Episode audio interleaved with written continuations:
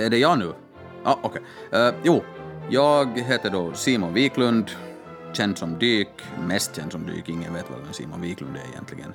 Uh, sen också även känd som, som Dirty Dyk på Facebook, uh, lite om chiliodling och sånt här. Jag kommer ursprungligen från Öja, uppe i Österbotten, norra Österbotten då, en liten bit utanför Karleby, gamla Karleby. Och det här, jag flyttade till Åland mm, år 2000 och, och eh, har egentligen bott här sedan dess då. Att, att jag flyttade med, med morsan, farsan, brorsan och, och brorsan bor ju kvar uppe i fastlandet och han flyttade tillbaks dit när han hade gått eh, skolan klar. Eh, morsan och farsan pendlar lite och, och jag lämnar kvar då helt enkelt. Och vi flyttade ju hit ursprungligen med tanke på att morsan fick jobb här då. Ja, på den vägen är det. Jag är 36 år nu tror jag, så jag har ju bott... Ja, man slutar ju räkna efter att man är 30. Men jag har ju bott mesta delen av mitt liv på, på Åland då. Att, att det här. Men vi kör en låt så här som man, så jag får bli lite varm i, varm i kläderna. Att, att vi kör Rick Ashley, Never gonna give you up.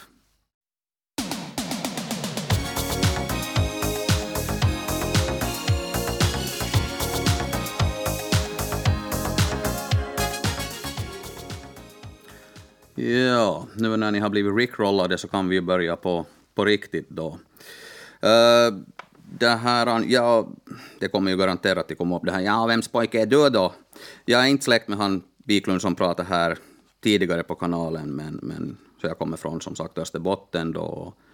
Och, och uh, Ålands Radio gjorde ju här en intervju tidigare, tidigare med mig om, om chiliodlande och, och lite sånt. Och, det är väl därför jag egentligen är, är här, att, att prata lite om, om reenactment, vikingar-reenactment, varför man gör det, vad är som... Vad, vad, vad drar en till det? Och vad drar en till chiliodlande och, och hur kan man nörda in sig så fatalt på två saker?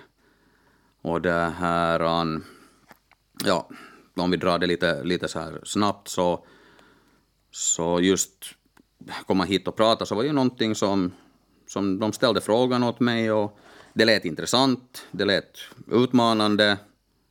Jag tänkte att varför inte, man kan ju prova på det här också, att om, om Ålands Radio släpper in mig i radion och pratar så absolut, då, då kör vi det. Uh, vad heter det nu? Ja, det, det, har faktiskt frugan sagt åt mig att jag inte får säga så mycket vad, vad heter det nu, för, för det låter konstigt. Så vi måste lyssna på frugan. Happy wife, happy life.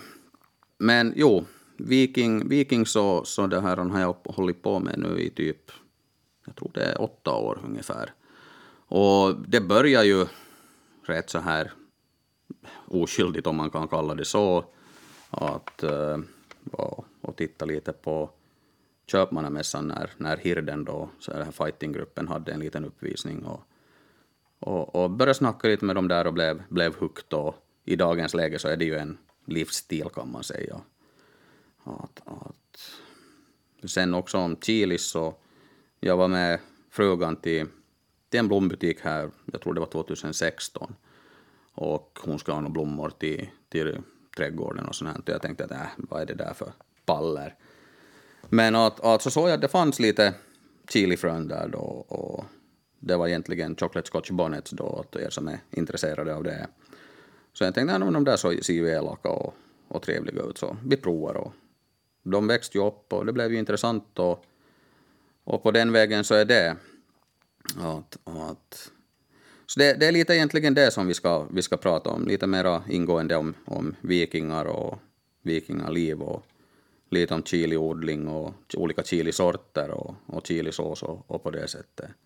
Men för att lätta upp stämningen lite efter Rickrollen så tror jag vi kör en, en nästa låt här då med, med Bob Marley och, och Bobby McFerry är det väl egentligen som, som gör originalet, det här Don't worry, be happy.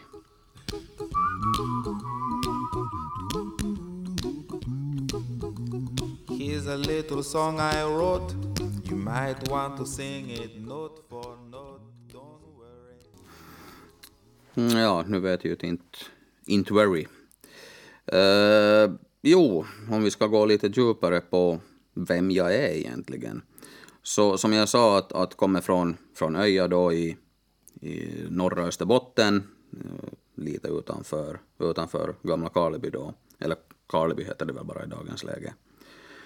Eh, jag kom till Åland 2000, gick i Lusse och eh, gick Lusse klart här på Holmen. Och det här, efter det då så, så måste jag ju in i militären med tanke på att jag är född på, på finska sidan.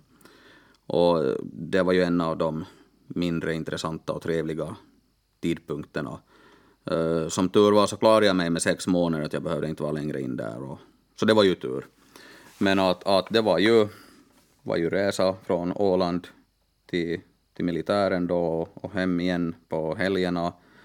Eh, det intressanta med det var att med tanke på att Åland är en demilitariserad zon så fick jag inte åka hem militärklädd utan jag måste åka med civilkläder. Och det där störde ju både de som, som var stammisar där och de andra. Och det var ju rätt roligt förstås. Men att, att sen då när det var klart så kom jag tillbaka till Åland, började jobba lite och eh, på lite olika ställen då. Och, och, då såg jag i tidningen att de sökte folk till så här läroavtalsutbildning till VVS-montör. Och tänkte ja, men vi, vi provar på det. Och, och, och så då gick jag läroavtal med att jag jobbade måndag till torsdag och sen fredag gick jag i så kallad skola. Och med tanke på att jag hade gått, gått Lusse då så slapp jag ju alla de här vad ska vi säga, teoretiska ämnen som typ språk och, och matte och sånt här, utan det var bara som just praktiska, praktiska grejer när jag behövde studera, så det var ju, det var ju soft. Men det här, så körde jag det klart, så jag fick den utbildningen. Jag har inte jobbat en dag sen, som VVS-are sen jag fick utbildningen egentligen. Men att, att eh, jag fick ju lite, lite lärdom därifrån såklart, att det var ju, det var ju nyttigt förstås. Och vi började med eget och, och det gick ju, gick ju kul då här Eh, förra året eller året före det så, så det här, han gick det i konkurs. Det var ju lite, lite jobbigt förstås men ja, sånt händer. Att, att så var jag lite arbetslös då och det här nu då så, så jobbar jag på bobil, kränger reservdelar och, och vad heter det nu, trivs jättebra där.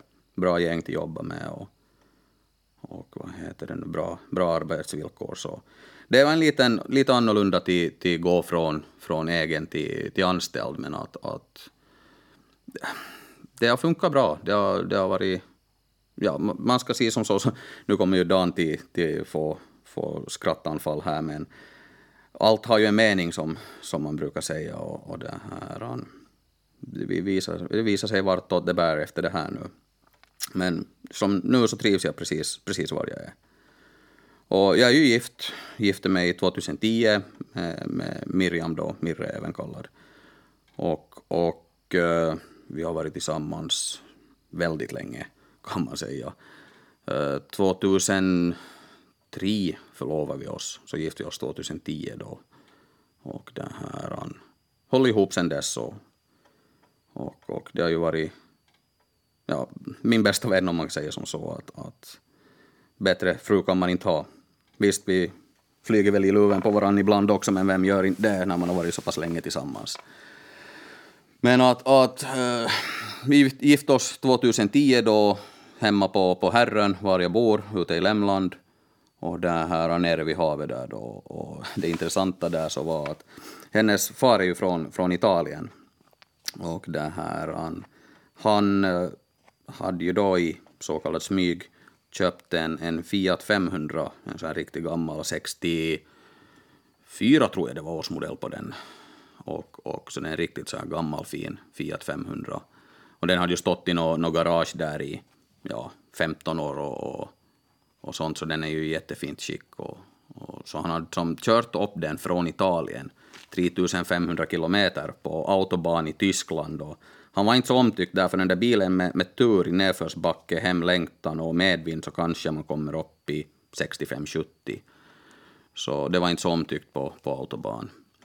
Och, och ja, han stack ju. någonstans i, i just Tyskland autobahn då, eller var det Danmark, så tappade han blinkerserna Men det tur med det, bilen är ju liten så man kan sticka ut armarna åt, åt vilket håll man ska svänga. Så, så det här, han, Öresundsbron stannade han och skulle fota, han är ju fotograf så, så det här, han stannade på Öresundsbron och, och skulle börja fota och han fick nu tagit några bilder så kommer någon sån här brovakt eller vad man ska kalla det och, och säger åt honom att här får du inga stå åt, åk iväg.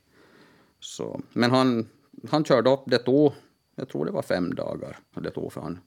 Och, och uh, han sov i bilen, han hade bilen fullpackad med parmesanost och rödvin så parmesanosten var väl det han levde på på vägen upp.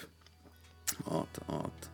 Så det var ett, en intressant, intressant bröllopspresent som, som frugan fick då.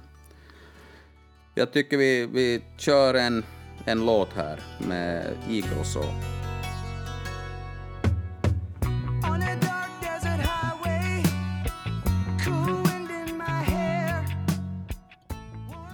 Ja, det är väl lite som vi säger i Tabuklubben, en kompis, kompisgrupp, chattgrupp som vi har på Facebook. Att you can check in anytime but you can never leave.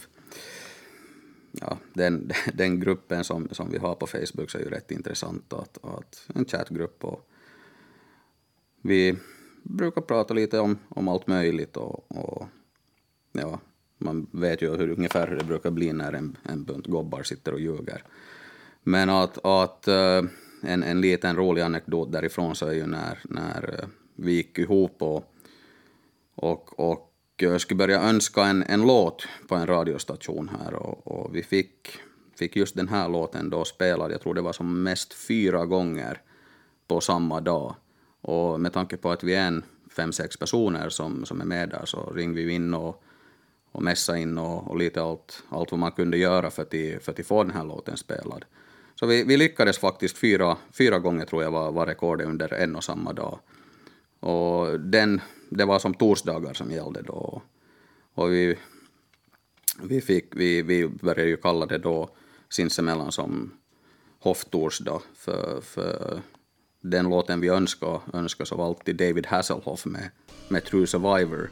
Och jag tycker vi, vi kör den här också, bara för, för sakens skull, för det är en, det är en bra låt.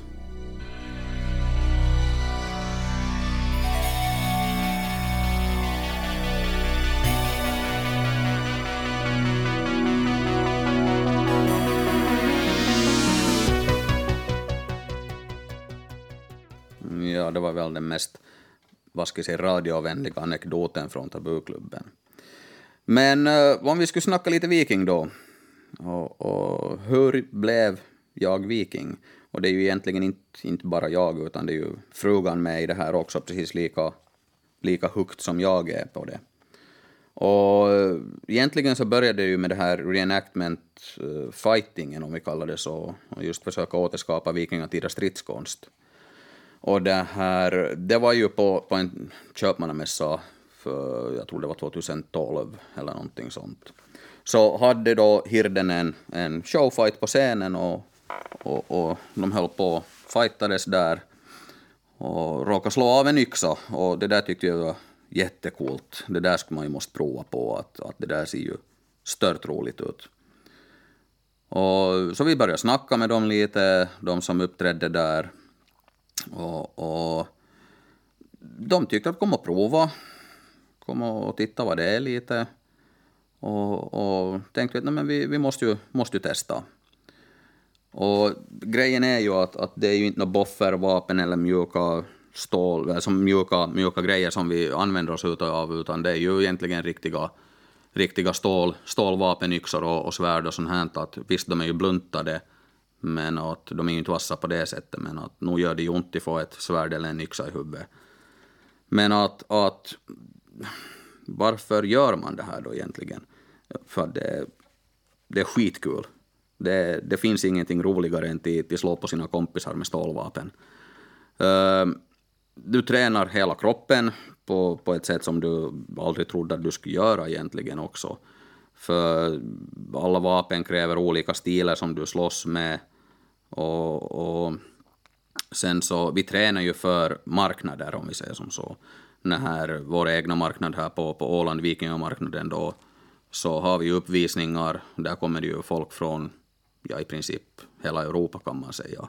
både från fighters då, också från hela Europa, kan man i princip säga. Mest då från finska och svenska sidan förstås, men att, att och de står på ett slagfält med, ja, du har 30 personer mot dig i en stor linje, du har 30 personer på din egen linje, och, och de står mitt i smeten där och, och försöka slå ner sina motståndare, det, det är rätt, rätt intressant känsla faktiskt. Det, det är ingenting kommer i närheten av det. Ehm, det är ju lite, lite tråkigt med tanke på, på situationen nu i dag, dagsläget att, att det blir ju ingen egentligen marknadssäsong det här året men vi siktar hårt på, på nästa säsong istället. Och det är ju, det är ju just det här med, med gemenskapen som man har där. Att vi håller på med, med grejer som faktiskt kan skada det på riktigt om man inte, inte så att säga vet hur man hanterar dem. Och, och, det är ju lite därför också som man måste vara bästa kompisar när man är och, och slåss helt enkelt på ett slagfält. Att uh, hanterar du inte vapnet på rätt sätt och, och ja, du, kan inte du lita på motståndarna eller, eller på dina kompisar så, så kan du inte riktigt, riktigt vara med och, och slåss heller. Och, och det är ju därför också som alla tvister, om det nu mot förmodan skulle uppstå någonting sånt efter en, en uppvisningsshowfight eller så, så reds ju ut att ingen ska som gå, gå från slagfältet utan till, till känna att det var en jäkligt bra fight, det var, det var säkert och publiken uppskattade. Sen så, så den här gemenskapen som överlag är på marknaderna så är ju, är ju fantastisk. Att, uh, på dagarna då när, när vanliga civilister, som vi brukar kalla dem, turister och, och här som besökare kommer in, så det här äh, lever vi ju marknadsliv, om man kallar det så, och försöker som visa så historiskt korrekt ansikte utåt som möjligt. Med kläder, campet, tältet och, och alltihopa. Sen på, på kvällen när marknaden stänger, om vi säger som så, så det här tänds ju lite lägereldar och, och, och sånt. Och det här, de, de går runt på ett marknadsområde när skymningen börjar falla lite och man ser alla de här lägereldarna, folk som sitter och snackar och, och det, är ju, det är ju rätt magisk känsla om man säger så.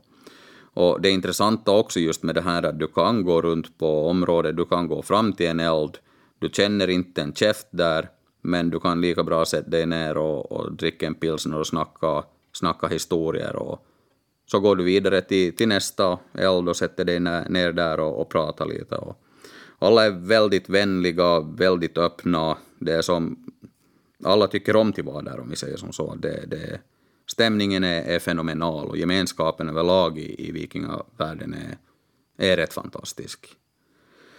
Och, och just med, mm, vad ska jag säga, den här, det är en intressant historia om, om som lite återspeglas på den här vikingasaken också så, så jag via jobbet brände slut min, min vänstra arm totalt, jag tror det var andra gradens brännskada eller någonting. En, en lite humorgrej var där att jag körde själv till, till akuten och det var de ju inte så nöjda med. Men, men det här, under tiden när jag körde så hade jag en våt handduk virad runt handen och ut genom fönstret i, i bilen så att det skulle kylas av lite. Och, och det här, inte kunde jag hålla mig från fightingen och, och, grejer, så jag får ju dit då, för jag har, på tisdagsträningen som vi kallar det. Och var med på träningen och bör, började vi ju ljuga sinsemellan där att ja, no, men bränt slut armen när jag var och sloddes mot en drake och visst, jag vann, jag vann över draken såklart, men, men jag brände sönder min arm totalt. Att, att det här, och det intressanta med det då så är att, att Merrigan, som också är med och slåss, så, så skrev en låt åt mig om det här. Och det är rätt mäktig känsla att få en låt skriven åt sig. Så, så jag tycker vi lyssnar på Merrigan, Sagan om Tveskägg. Och skuggorna tystnar i eldens ljus när skaldens saga tar slut och Tveskägg han tiger i vinden Ja, hon har ju hon har ju faktiskt rätt, rätt magisk röst, Mary Gunn.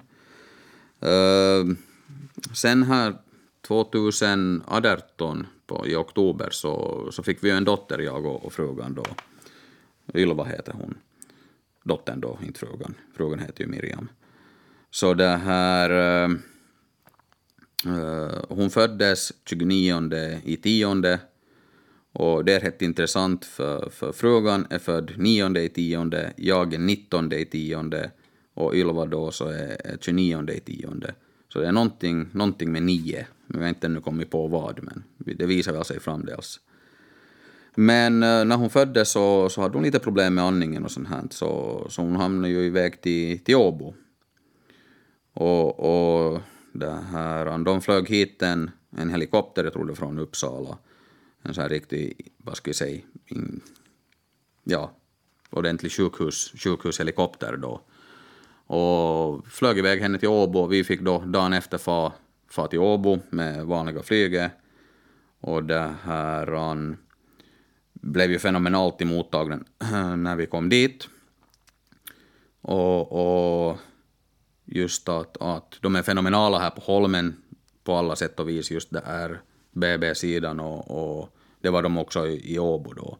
Och när Ylva kom dit redan så var hon ju den som mådde bäst på avdelningen. Så, så det här, och, vi, vi var där i en vecka, två tror jag det var. Och eh, bra omhändertagna där. Men sen så, så fick vi ju fick vi ju åka hem då och det var ju lite så här, hur ska vi slippa hem för det var, det var ju sent på, på hösten och att, att det var för dimmigt för vanliga helikoptern till flyga.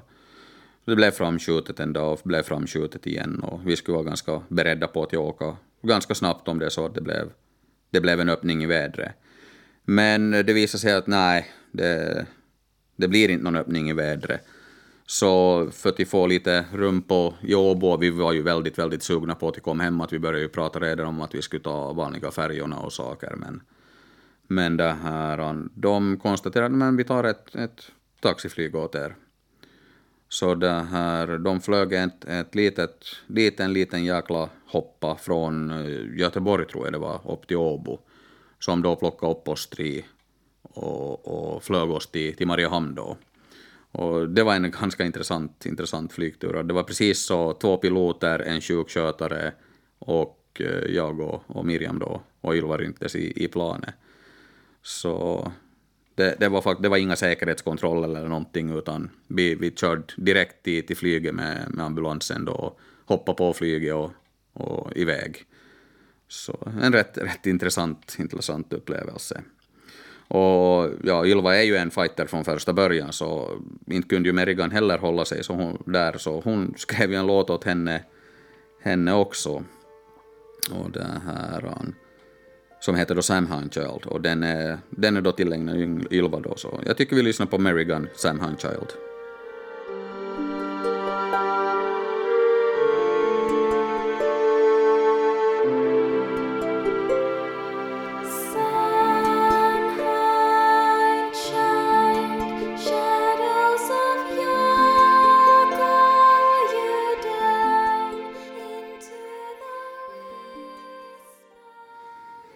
Ja, om vi då skulle komma till det andra stora i mitt liv, eller ja, andra stora hobbyn om vi säger det så, så chilis.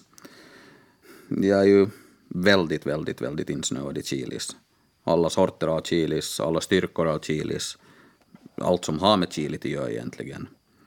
Och, och just varför och hur jag började odla så var ju som jag berättade lite tidigare att, att jag var med frugan till en blomsterbutik och så såg jag lite lite chilifrön som såg intressanta ut och påta ner dem i jorden och så ploppade ju upp lite, lite grejer där då.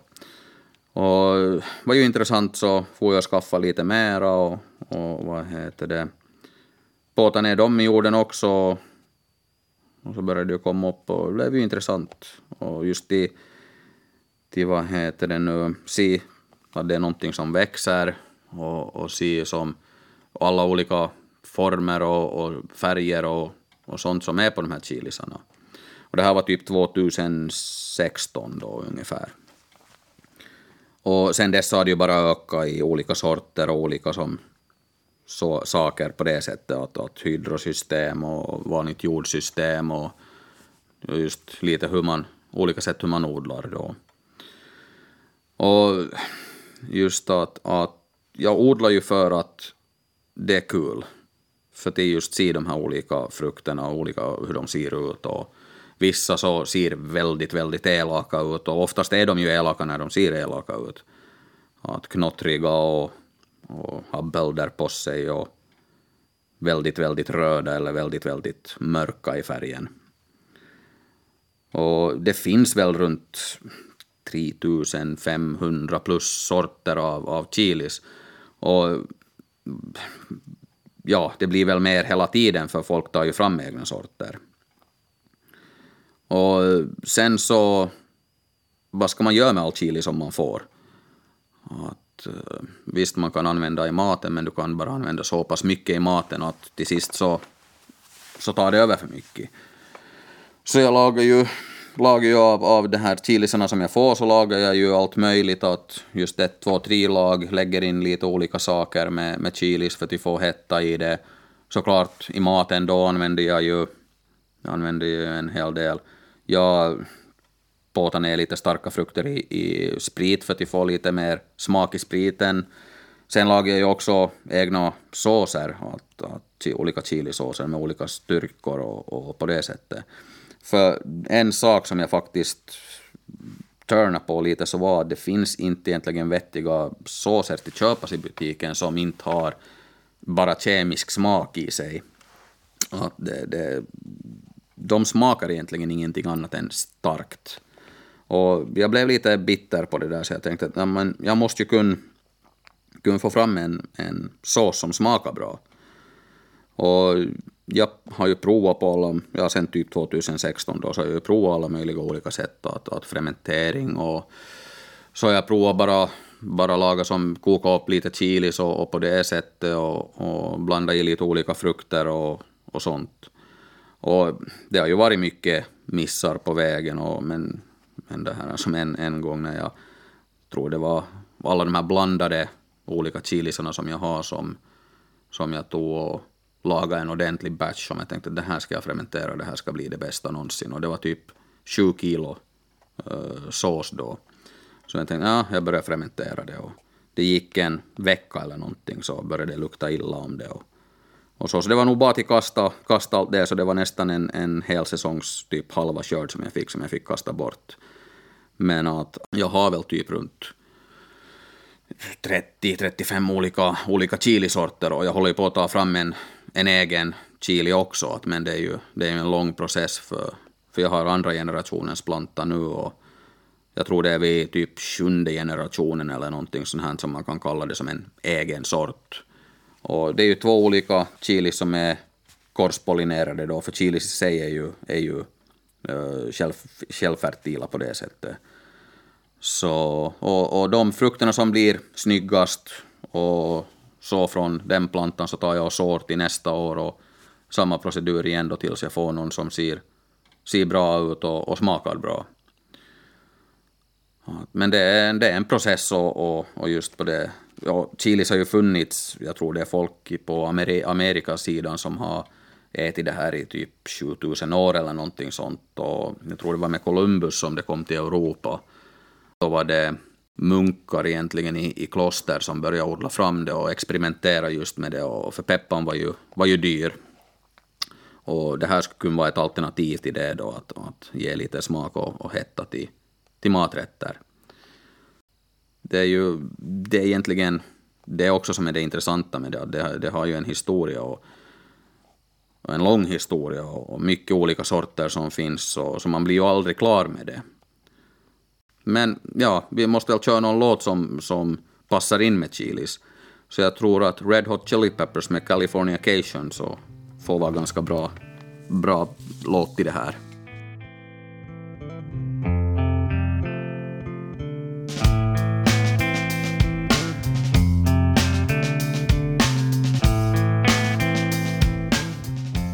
Ja, sen som just med det här chilis också så, så jag startade ju en Facebook-sida, här Dirty Dicks Chili Stuff, för att visa lite olika hur man odlar och lite olika odlingssätt och, och just såserna och, och sånt. Och, och just olika sätt att odla så är ju, är ju då typ krukor, markbädd, hydrosystem och, och sånt här. Och, och just det jag kör i dagens läge så är nog mest, mest då i krukor och, och grejer. För det är enklast, det, då kan jag övervintra plantorna enkelt också. Att, att övervintringen så, jag har ett speciellt odlingsrum då man kallar det så, var, var jag har alla, alla chilis vintertid och, och under lysrör helt enkelt. Och de växer bra där, eller ja, växer och växer, de överlever, överlever vintern där och, och kan till och med producera en eller två frukter, men det är nu inte så ofta. Sen så, så det här med hydrosystem, så i krukorna då så har jag ju helt vanligt jord bara blandat med lite hästskit och, och näring och sånt här. Men just hydrosystemet då så är det rätt intressant att, att det är endast vatten med ja, näring kan man säga. Och det är ju någonting som man blandar till och, och häver i byttan då som de suger åt sig det de behöver och, och grejen med det då är att de får snabbare och mer just den här växtenergin än vad de får ur, ur jorden. Så de växer sig större på mindre område och, och producerar mera frukt helt enkelt. Att jag har en vattenbytta som jag har en så här helt vanlig kan man säga akvariesyresten och, och luftpump i då som pumpar in luft i, i byttan då åt, åt rötterna så att de ska få lite syre och inte, inte vattnet då ska börja, börjar bli dåligt eller ruttna bort på det sättet. Och sen då så tillsätter jag olika näringslösningar om man kallar det så, beroende på i vilket stadie på, på ja, vilket stadie växten är i. att, att en kruka med vanlig jord, så du påtar ner frön, du planterar om lite nu som då i större krukor och sånt här och, och ger vatten lite näring så ibland så är det okej. Okay. Men just med det här hydro så, så behöver du hålla lite mera koll att luftpumpen funkar, att de har tillräckligt med vatten, att näringsämnena är rätt och, och på det sättet. Så. Men just också det här, varför odlar jag de här superstarka frukterna och sorterna som Carolina, Carolina Reaper, Fatali Jigsaw och, och ja, det finns hur många namn som helst på dem. Och visst, jag äter ju dem, just de här superstarka som ligger på en ja, en vanlig jalapeno som du kan köpa i butiken så här, eller en habanero som ligger någonstans runt 30 till 50 000 till habaneron då på 350 000 på Scoville-skalan. Uh, Reapern och, och den här Jigsawn så ligger kanske någonstans runt en och en halv till två och en halv miljoner på Scoville-skalan. Så det är ju, det är ju ganska, ganska brutalt starka grejer. Och det intressanta med det är att desto starkare de här frukterna blir, desto elakare ser de ju ut. De blir knottrigare, de blir... Ja, du ser om det är en elak sort helt enkelt. Och när man just äter en sån här superstark, så det, det sätter ju hela kroppen i försvarsläge kan man säga. Och att, eh, det är ju det, det här kaspasinet, alltså det, just det här verksamma ämnet i, i chilisarna då, som binder sig till, till samma receptorer i, i munnen och kroppen som, säg då till exempel om du känner hetta, det är väldigt, väldigt varmt. Så det känns ju som att munnen brinner och, och ja, hela kroppen som reagerar på grund av det. Och ofta, det är ju bara till, till härda ut, om man säger som så, men det intressanta med det är att de här superstarka har också lika mycket mera koncentrerad smak i den här lilla frukten som en stor jalapeno kan ha. Och till och med ännu mera smak jämfört med en svagare sort. Och det här kommer också fram tydligt i de här såserna jag lagar. Att använder jag vissa sorters frukter så kommer vissa av de här som chilifrukterna så har en senare brännande hetta jämfört med andra sorter som har en tidig hetta. Så man kan leka och mixtra med det där också för att få, få fram just den sås som du har först fruktsmak och sen som du får hettan från chilis och smaken från chilis. Men just det här hur kroppen reagerar och, och hur det som kickar igång endorfinerna i hela kroppen av att du äter en liten, liten jäkla röd frukt eller svart frukt eller vad det är, så det, det är väldigt intressant. Och det är ju mest för, för smaken då som, som man äter dem. Och de säger ju att en bra chili bränner två gånger, men det är nog egentligen tre gånger, för när du äter den när den är ner i magen. Så man ska nog ha förberett sig om man äter en, en superstark frukt att äta ordentligt med middag så du har någonting som den kan blandas ut med, som den kan landa i. Någonting som, som du neutraliserar och yoghurt och mjölk och sånt här så är ju, är ju fenomenalt till, till neutralisera den här hettan. Så man ska fylla upp magen lite, lite med det på förhand. Att, om det är någon som är intresserad av att smaka en, en superstark frukt så är det ju bara att höra av sig på, på Facebook då. Och, och, jag har ju lite videos också på Youtube om, om när jag äter de här superstarka hur kroppen reagerar. Men att, att sen också när den är på väg ut så bränner det ju ibland.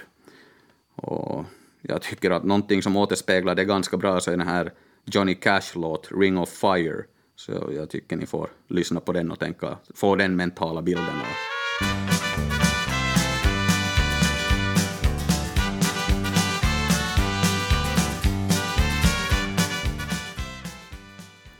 Ja, så kan det nog kännas dagen efter när man har ätit en, en superstark chilifrukt.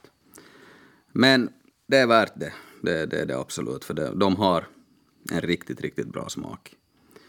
Men eh, jag hade ju också en, en habanero som jag hade döpt till Habanero Herman. Och han var ju ja, crème de la crème av mina chili som man kallade det så, den, den som jag värnar mest om. Och eh, han kom ju till från att jag var i butiken, det här var 2016 det också. Jag var till, till butiken och, och såg en intressant frukt och köpte jag den och tog frön från, från den frukten och påtade ner i jorden och det ploppade ju upp en, en habanero med det och han växte jäkligt stor. Att, uh, jag flyttade han från en 20 liters kruka till en, jag tror det var 60 liters kruka och sen nu till sist så så bodde han i en, en 240 liters soptunna. Och han producerade mycket. Som den här sommaren som var så här riktigt, riktigt varm, jag tror det var 2018 som, som var riktigt varm, det regnade väl typ en eller två gånger den sommaren. Så han gav mig typ fyra och ett halvt kilo frukt och, och så det är nog det absolut mesta jag har fått, fått av en, en chili. Och jämför man det då med en, en, ja det var en chocolate scotch bonnet som bodde i en 40 liters uh, hydrotunna. Så den gav mig någonstans runt 3,5-4 kilo frukter också, så det var ju en jätte, jättebra sommar för, för chiliodlande. Och det verkar ju bli en bra sommar i år också, för det är ju varmt redan så. Så det här, att just han, han gav bra frukt, han han var stor och buskig och fin om man säger som så. Och nu tänkte jag då till, till i år så måste jag ju måste ju helt enkelt ge han lite ny jord för han hade bott i, i samma bytta då sen 2018 med samma jord och det enda jag hade gjort så var att givit lite mera näring och, och sånt här åt han ibland. Men eh, jag planterade om honom och eh, just när man tittar då så i jorden så han hade ju grova fina rötter som gick ända ner för jag hade ju en vattenbehållare i, längst ner i, i den här 240 liters soptunnan då, att det skulle lufta lite och, och ha som ett vattenmagasin. Och han hade ju som lagat ordentliga rötter ner och, och så de, de kan växa till sig ordentligt i rotsystemet. Och de säger ju att det man ser ovanpå jord så är ju bara en liten del av, av själva plantan och det är minst, minst lika mycket, om inte ännu mera, i, i rotväg ner. Och det ser man ju tydligt i hydrosystemet också, för det är ju bara att lyfta upp plantan så ser du, ser du alla rötter. Men eh, jag tror jag drog av lite för, för mycket, mycket rötter då åt, åt Herman, så, så han dog ju. Han återhämtade sig aldrig av, av omplanteringen och det var ju lite, lite tragiskt förstås. Men att, att en, en chiliplanta lever ju inte hur länge som helst heller. Att, att jag tror det är typ runt fyra, fem, sex år ungefär som de kan leva om de, om de har idealiskt. Så, men att, att han han är nog död nu då. Och, och, så jag kommer till, till Kör via, via just Facebook-sidan min då en, en begravning åt honom. En Riktig så här vikingabegravning med, med någon typ flotte som, som far ut i, ut i havet som jag tänder eld på då och möjligtvis nå, någon som sjunger lite kanske och sånt här överdrivet fint. Så det kommer ju till kom som på sidan min en, en video om det. Men att jag får försöka hitta en, en ny älsklingsplanta, om vi kallar det så. Att, att få se, jag har en, en Snow White heter den habanero också som är, som är då, ska vara helt vit, vilket kommer att vara en rätt intressant planta nu i år. Sen så har jag lite frukter av, av Herman i, i frysen som jag hoppas att skulle kanske ha klarat sig, så vi kanske till och med får se lite, lite barn av Herman i, i framtiden om det är så. Men äh, han, han gav mig mycket frukt, så vi ska komma ihåg Habanero Herman med, med gott minne. Och, och vad är då bättre än till, till spela Darude Sandstorm i hans ära?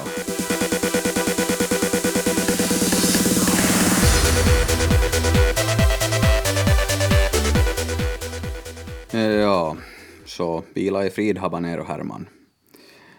Jag tycker att vi måste köra Queen också, den här Bohemian Rhapsody, för jag kan ju inte ha ett sommarprat utan att den absolut bästa låten genom tiderna blir spelad. Så här har ni den. Is this the real life? Is this just fantasy? Caught in a landslide, no escape from reality. Oh. Ja, ni lyssnar då på sommarpratet i Ålands Radio. Jag som pratar här idag så heter Simon Wiklund, även kallad Dyk. Uh, Dirty Dykes Chili Stuff på, på Facebook. Uh, pratar om lite chilis och, och vikingaliv och lite sånt. Uh, nu då så, så tänkte jag att vi skulle snacka lite om, om när vi var på bröllopsresa med frugan till, till Afrika. Och det intressanta där så var att, att eh, ja, frugans syrra bor ju i, i Afrika. Och det här, så vi var egentligen och hälsade hälsa på, på henne där då. Och det här, vi, vi var på lite safari där, vi var inte i det här Serengeti för det var ju så här överdrivet dyrt till kom dit så vi var till Tarangiri som är egentligen precis där bredvid och minst lika fint och, och åkt runt lite där med, med bil och såg egentligen alla de här lejonen och eller jag såg apor och, och allt sånt som man skulle, man skulle se när man är på safari tydligen. Jag var nöjd så länge jag fick se apor. Uh, sen så, så det intressanta där så var när vi stannade på lunch. Det var helt öppet och, och på det sättet var det inte sett något no lejon eller någonting överhuvudtaget. Eh, lite alla andra djur då, elefanter och sånt här. Men, men vi satt ner där och började äta lite lunch. Och tittar man då lite längre bort så ser jag att det är någonting i trädet där borta och börjar fundera vad är det där för något. Så hade vi han här guiden med oss och så det här, han frågade vad, vad är det som är i trädet där borta.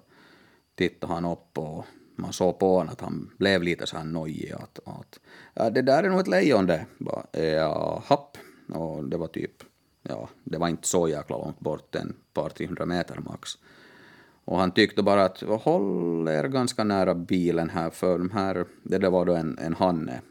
Att honorna så är oftast ute på jakt och de kan gömma sig precis i, i gräset här bredvid, så ni, ni, ni ska försöka som att, att vi kan ta oss snabbt in i bilen om det, om det behövs.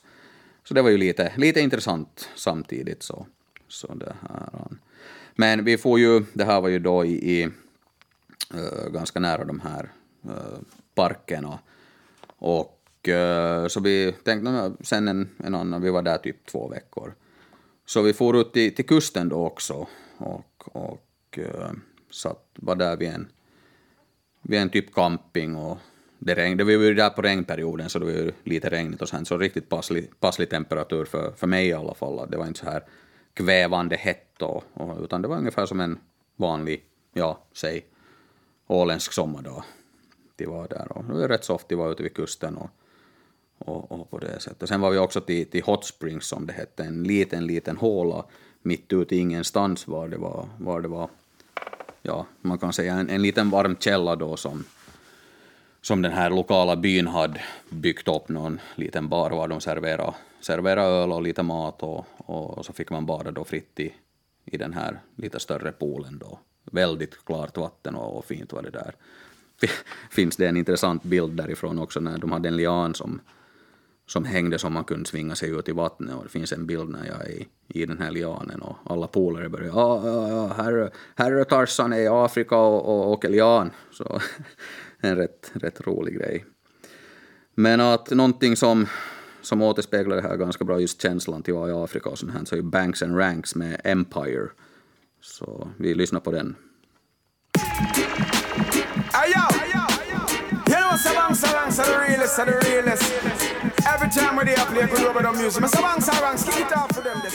Ja, uh, det var lite om, om Afrika och sånt här. Sen en annan grej som har varit rätt, rätt stort för mig genom, genom tiden så är ju typ spel och sånt här. Och, och alla vet ju att, att spel är ju absolut bäst med på PC. Att allt annat är ju bara, bara onödigt.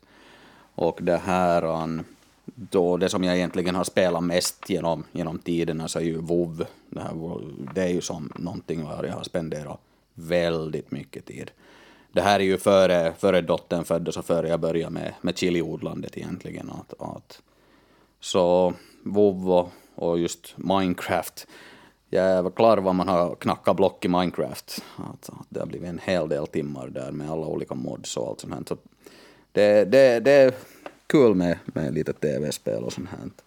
Sen så Fallout, Skyrim, så är ju, är ju något eh, spel som är, är väldigt, väldigt så att säga intressanta för mig i alla fall. Lite mer så här fantasyaktigt, eh, futuristiskt kan man kalla just Fallout speciellt.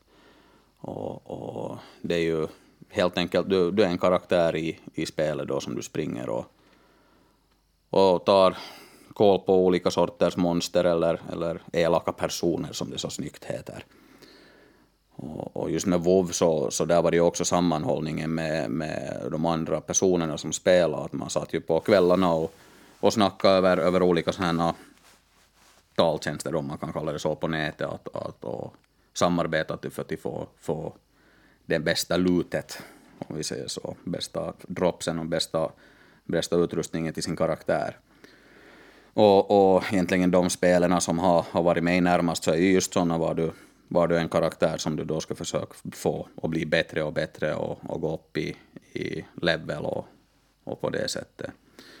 Och ja, KSP, det här Kerbal Space Program, så är ju också någonting som är väldigt, in, som varit mig nära, som jag försöker komma till lite nu också. Och det är ju, du bygger olika raketer om man kan kalla det så, och försöker ta det upp i, i rymden och bygga lite olika rymdstationer och, och sånt här. Det är ju physics-based, alltså det, det följer, följer vad heter det, lite gravitation och vindmotstånd och, och sånt här. Att, att, så här små intressanta, intressanta spel. Uh, någonting som, som faktiskt med, med Fallout så är, är bra, så det är ju verkligen musiken där. Att det är ett futuristiskt samhälle, om vi säger som utspelar sig 2200-talet någonting, men du har 50, 40-50-tals bilar, atomkraft, datorer på det sättet och, och det är då kärnvapenkrig som har utbrutit och, och du egentligen kommer ut ur ett, ur ett vault, vault då som det heter och, och ska försöka överleva och och bygga upp ett samhälle igen och, och, på det sättet. Och en av låtarna från just, just det här Fallout som, som verkligen, det känns bra att springa runt och, och döda monster till, så är ju Dion med The Wanderer. Så ni får, ni får ha lite i, i bakhuvudet nu att ni springer på något så wasteland och, och tar död på lite monster. Oh,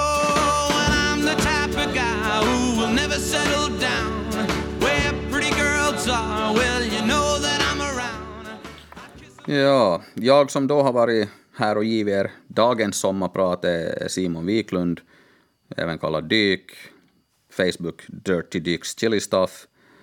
Eh, så vi har snackat lite om, om varför man är viking, hur man blir viking och, och speciellt just då det här vikingatida stridskonst, eh, hobbyn som jag har. Sen också chiliodlingar och, och olika chilisorter och och lite chilisåser och massa chilis. Det var kul att kom hit och, och snacka, lite nervöst i början men ja, om ni har lyssnat så här långt så är det ju, är det ju coolt.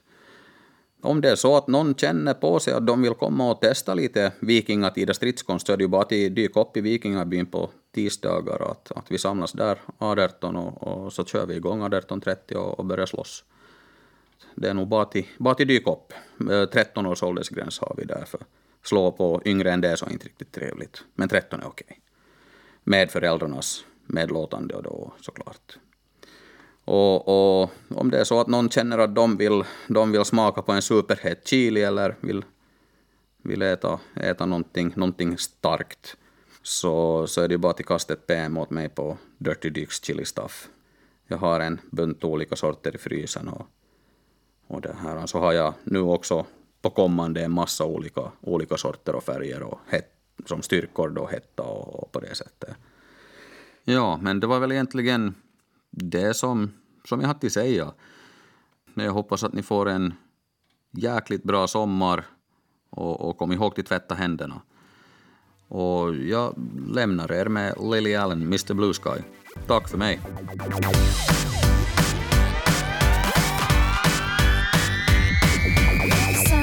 Sun